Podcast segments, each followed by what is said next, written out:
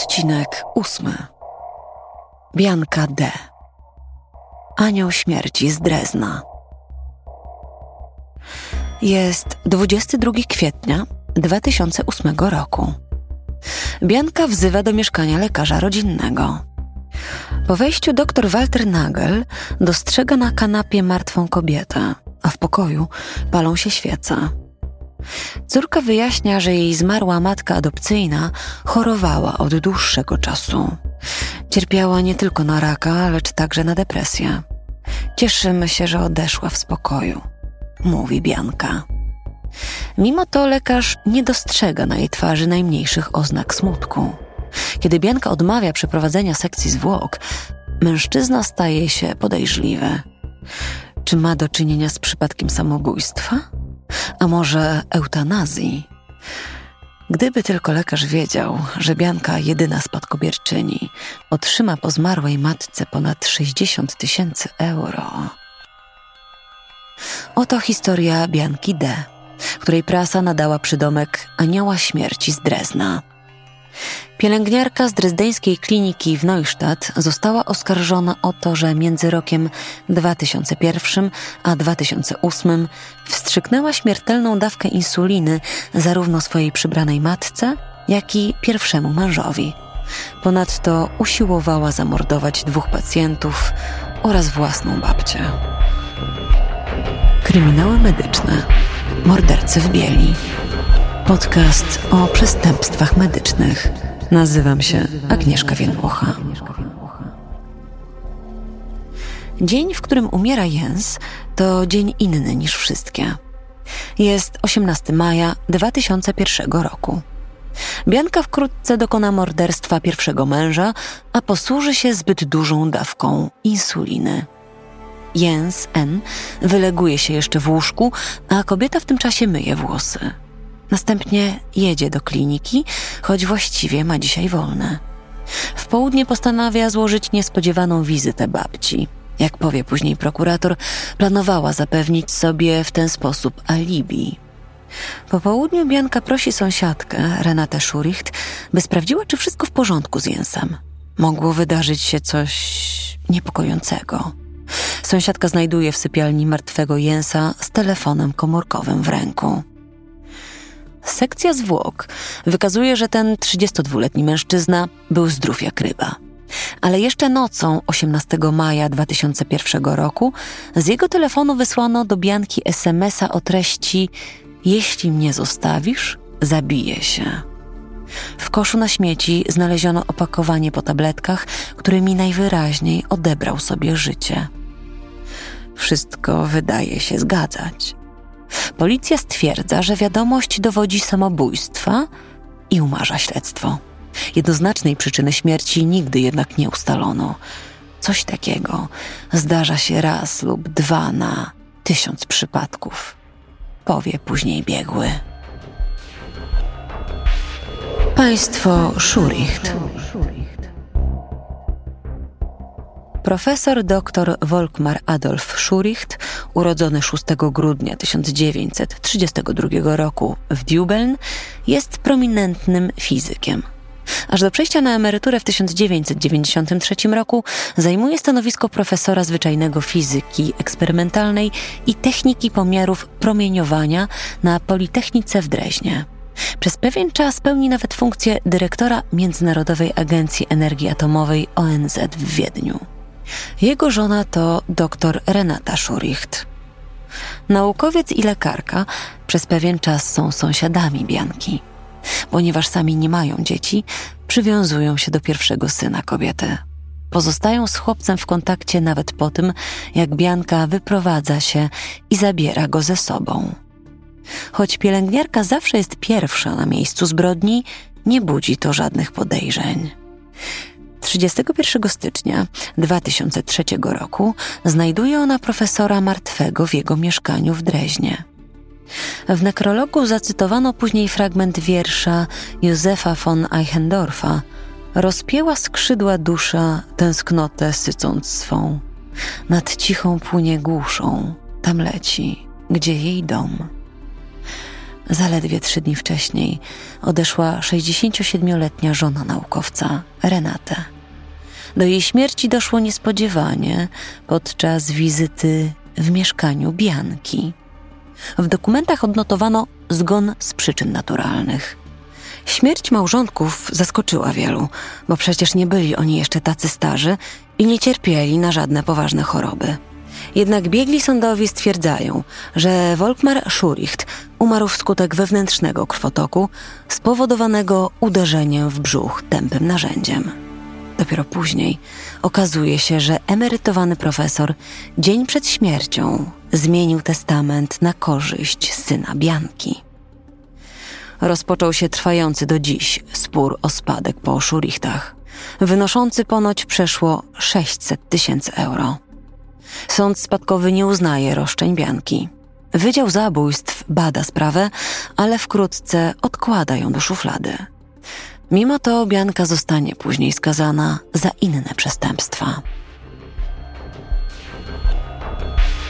Kim jest ta kobieta? W chwili skazania Bianka D. ma 33 lata, ale jej problemy zaczynają się już trzy dekady wcześniej. Jako dwulatka przeżywa samobójczą śmierć ojca. Matka przytłoczona samotnym wychowaniem dziewczynki oddaje ją do adopcji rok później. Dziecko zostaje przygarnięte przez nową rodzinę. Matka adopcyjna Ulrike K. jest pielęgniarką w drezdeńskiej klinice w Neustadt. Rodzice dokładają wszelkich starań, aby zapewnić maluchowi beztroskie dzieciństwo i młodość. Ulrike pomaga dorosłej Biance znaleźć pracę w drezdeńskiej klinice w Neustadt. Kobieta zostaje zatrudniona jako pielęgniarka na oddziale geriatrycznym. Opiekuje się osobami starszymi z wieloma schorzeniami fizycznymi i psychicznymi. Koledzy z pracy opisują ją jako życzliwą, pracowitą, ale też nieco upartą i obstającą przy swoim. Krewni i sąsiedzi postrzegają matkę trójki dzieci jako kobietę, która pragnie pokazać, że ma wszystko pod kontrolą, ale obowiązki domowe czasem ją przytłaczają. Oczywiście, że byłam zmęczona. Wszystko musiałam robić sama, on w ogóle nie pomagał mi w domu. Krzyczy później na rozprawie sądowej, kierując oskarżenia do byłego teścia. To jedyne słowa, jakie wypowiada w sądzie, broniąc się przed zeznaniami świadków, którzy chcą postawić ją w złym świetle. Jednak coś się tutaj nie zgadza. To wszystko wydaje się bardzo dziwne, mówi sąsiadka. Dlaczego ludzie umierają tak często właśnie gdy Bianka D jest w pobliżu? Renate Schuricht zauważyła nagłą śmierć pierwszego męża kobiety, Jensa. Miało to miejsce dwa lata przed jej własną śmiercią oraz zgonem fizyka. Kiedy ktoś umiera, Bianka od razu pojawia się w pobliżu. Była tam, gdzie umierali ludzie. Kwituje później jej krewny podczas zeznań w sądzie. Jednak wciąż brakuje obciążających dowodów. Gdzie nie ma morderstwa, tam nie ma morderczyni. Według statystyk tylko 15 na 100 skazanych morderców w całym kraju to kobiety. W Saksonii wśród dziewięciu skazanych w 2009 roku morderców znalazła się tylko jedna kobieta. Stefan Harbrot, starszy komisarz policji kryminalnej w Düsseldorfie, bada zabójstwa popełnione przez kobiety i stwierdza, że mężczyźni robią wszystko, by ich nie zidentyfikowano.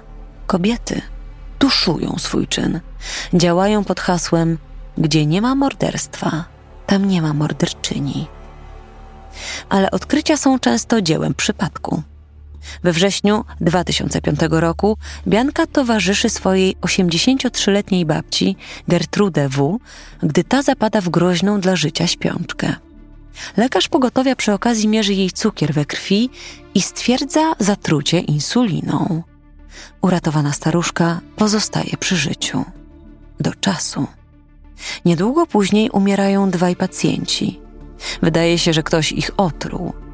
58-letni mężczyzna zostaje znieczulony silnym środkiem uspokajającym, a po chwili w jego pokoju szpitalnym wybucha pożar.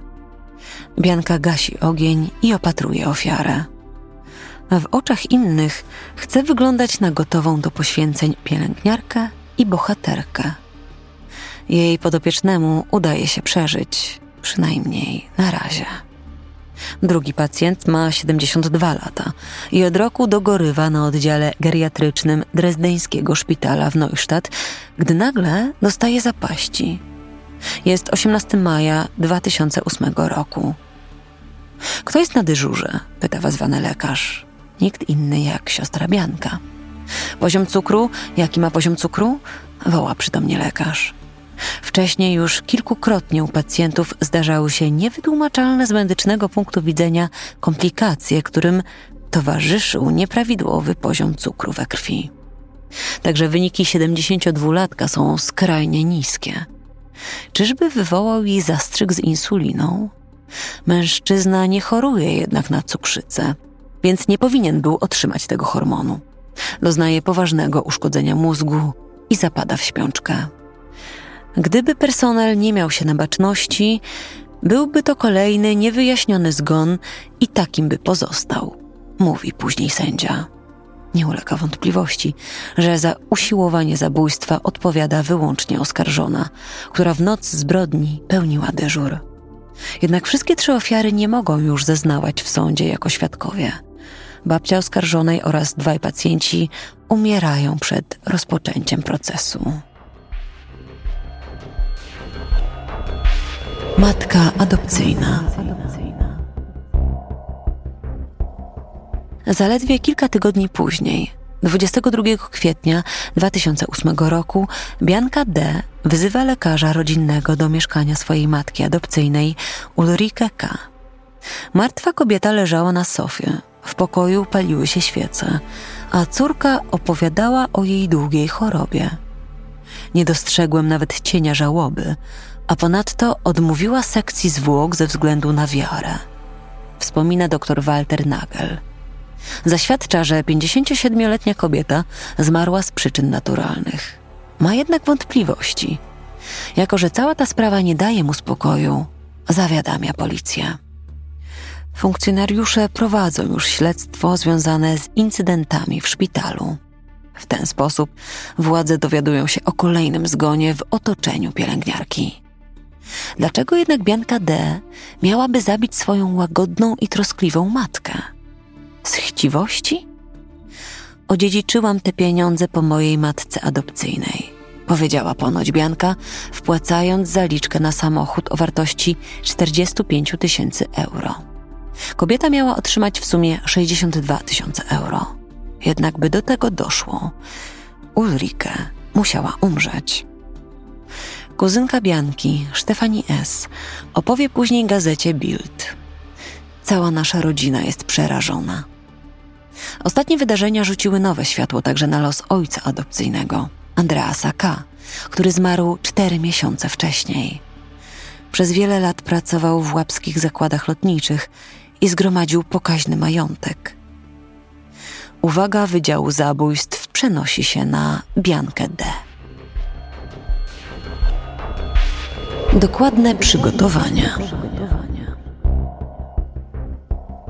Policja kryminalna bada okoliczności 127 zgonów, które nastąpiły w ciągu ostatnich 8 lat. Funkcjonariusze analizują ponad 150 dokumentacji medycznych. Wśród nich znajdują się akta babci Gertrude oraz 58-letniego i 72-letniego pacjenta ze szpitala. Przyczyna śmierci jest zawsze taka sama przedawkowanie insuliny. A nazwisko Bianki D widnieje przy każdym z tych przypadków. Kobieta, jej drugi mąż i trójka ich dzieci lada dzień przeprowadzą się do Szwajcarii. Tam będą mogli rozpocząć nowe życie. Jednak sprawy przybierają inny obrót. W dniu 30 lipca 2008 roku, bezpośrednio przed wyjazdem z kraju, Bianka D. zostaje aresztowana. Pierwsze przesłuchania kobiety w sprawie śmierci Ulrike K. prowadzi szefowa Wydziału Zabójstw Manuela S. Bianka D. ponownie przytacza liczne choroby swojej matki adopcyjnej, takie jak cukrzyca, nowotwór i epizody depresyjne. Stara się przekonać policję, że kobieta popełniła samobójstwo. Zeznania zgadzają się z faktami. Ulrike K. przed śmiercią często odwiedzała klinikę ze względu na infekcję oczu i zawroty głowy. Najwyraźniej Bianka D. od dawna przygotowywała się do śmierci matki. Okazuje się, że w dniu zbrodni pielęgniarka nie tylko odurza swoją ofiarę ponad dziesięcioma tabletkami środka uspokajającego o nazwie lorazepam, ale również wstrzykuje jej śmiertelną dawkę insuliny. Już kilka tygodni wcześniej Bianka D. kilkukrotnie podaje kobiecie środki uspokajające i pryska jej w oczy płynem do czyszczenia toalet w celu wywołania objawów choroby. Wśród znajomych rozpowszechnia plotki, że jej matka jest śmiertelnie chora i chce odebrać sobie życie. Przedstawia diagnozy nowotworowe i historię prowadzącą do samobójstwa także lekarzowi rodzinnemu, Walterowi Nagelowi, który ma wystawić akt zgonu. Podejrzana wszystkiemu zaprzecza. Mimo to, podczas przeszukania domu zostają znalezione zarówno insulina, jak i przyniesione ze szpitala środki uspokajające. 144 świadków, zero dowodów. Długie włosy i ciemne okulary zasłaniają jej twarz. 12 sierpnia 2009 roku drobna pielęgniarka Bianka D. zostaje wprowadzona w kajdankach do sali numer 084 Sądu Okręgowego w Dreźnie. Ma 33 lata i musi odpowiedzieć za podwójne morderstwo. Już pierwszego dnia procesu prokurator Christian Richter podkreśla, że uważa oskarżoną za wysoce niebezpieczną. Domaga się kary dożywotniego więzienia ze stwierdzeniem szczególnie ciężkiej winy oskarżonej. Rzekome morderstwa mają dla niego zrozumiały motyw. Jens N., pierwszy mąż oskarżonej, rzekomo bił ją i utrzymywał stosunki z innymi kobietami. Polisa ubezpieczeniowa matki adopcyjnej gwarantowała wysoką sumę na wypadek jej śmierci. Tylko w przypadku zgonów babci i dwóch pacjentów nie udało się znaleźć rozsądnego uzasadnienia. Z kolei obrończyni Ines Kilkan wraz z kolegą Hans-Jurgiem Elpsem domagają się uniewinnienia klientki z braku dowodów. W ich opinii istnieją poważne wątpliwości co do winy Bianki D. Na przykład śmierć matki adopcyjnej można było wytłumaczyć samobójstwem z powodu depresji. Strażnicy sądowi muszą wprowadzić skutą kajdankami pielęgniarkę na salę rozpraw po raz 40. Proces trwa 40 dni. Bianka D. staje przed wymiarem sprawiedliwości w codziennym stroju. Nie chce jednak, by ktokolwiek zobaczył jej twarz. Zasłania ją długimi włosami. Nie patrzy nawet na własnego męża, Holgera. Elektryk od dwóch lat jest samotnym ojcem trójki ich dzieci, a każdego dnia rozprawy czeka na żonę pod drzwiami sali sądowej. Funkcjonariusze czasami pozwalają małżonkom na przelotny pocałunek. Holger wierzy, że jego żona jest niewinna. Sąd przesłuchuje 144 świadków i biegłych. Według nich Bianka D. miała dziwne, patologiczne fantazje. Udowodnione kłamstwa, wyniki licznych ekspertyz medycyny sądowej oraz ogólny obraz, jaki zarysowały zeznania świadków, pozwalają wysnuć wniosek. Kobieta mogła nadużywać swojej wiedzy w celu zabijania. Nikt jednak nie widział na własne oczy, jak oskarżona w latach 2001-2008 usiłowała zabić pięć osób. Pod koniec procesu sąd ma do dyspozycji cały szereg dowodów. I to do nich adwokaci będą nawiązywać w swoich mowach obrończych. Tylko jedna osoba na sali sądowej zachowuje milczenie. Oskarżona. Przemożna chęć kontroli. Bianka D.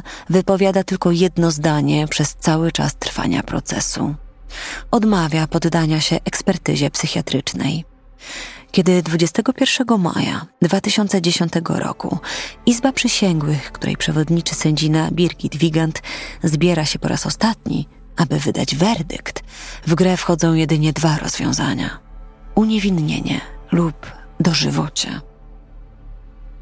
Sąd uznaje za udowodnione, że oskarżona zabiła swoją 57-letnią matkę adopcyjną ze złej woli i chciwości.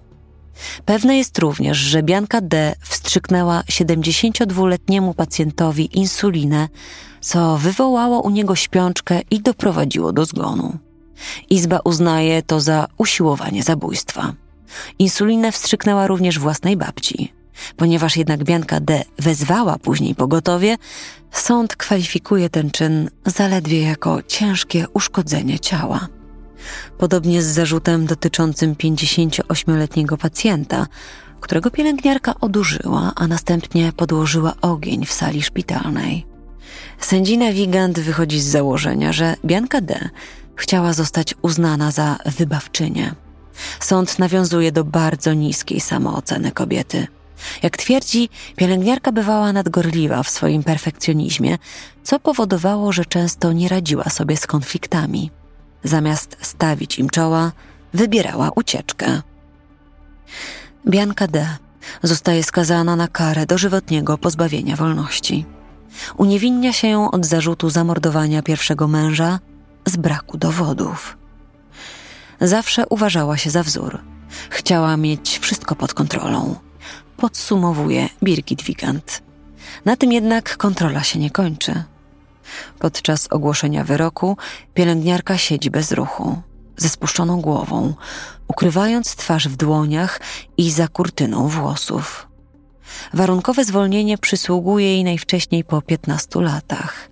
Nie będzie jednak mogła pracować jako pielęgniarka. Sąd orzeka dożywotni zakaz wykonywania zawodu. Bianka D. nie może już nigdy przebywać w pobliżu starszych i chorych orzeka sędzina przewodnicząca.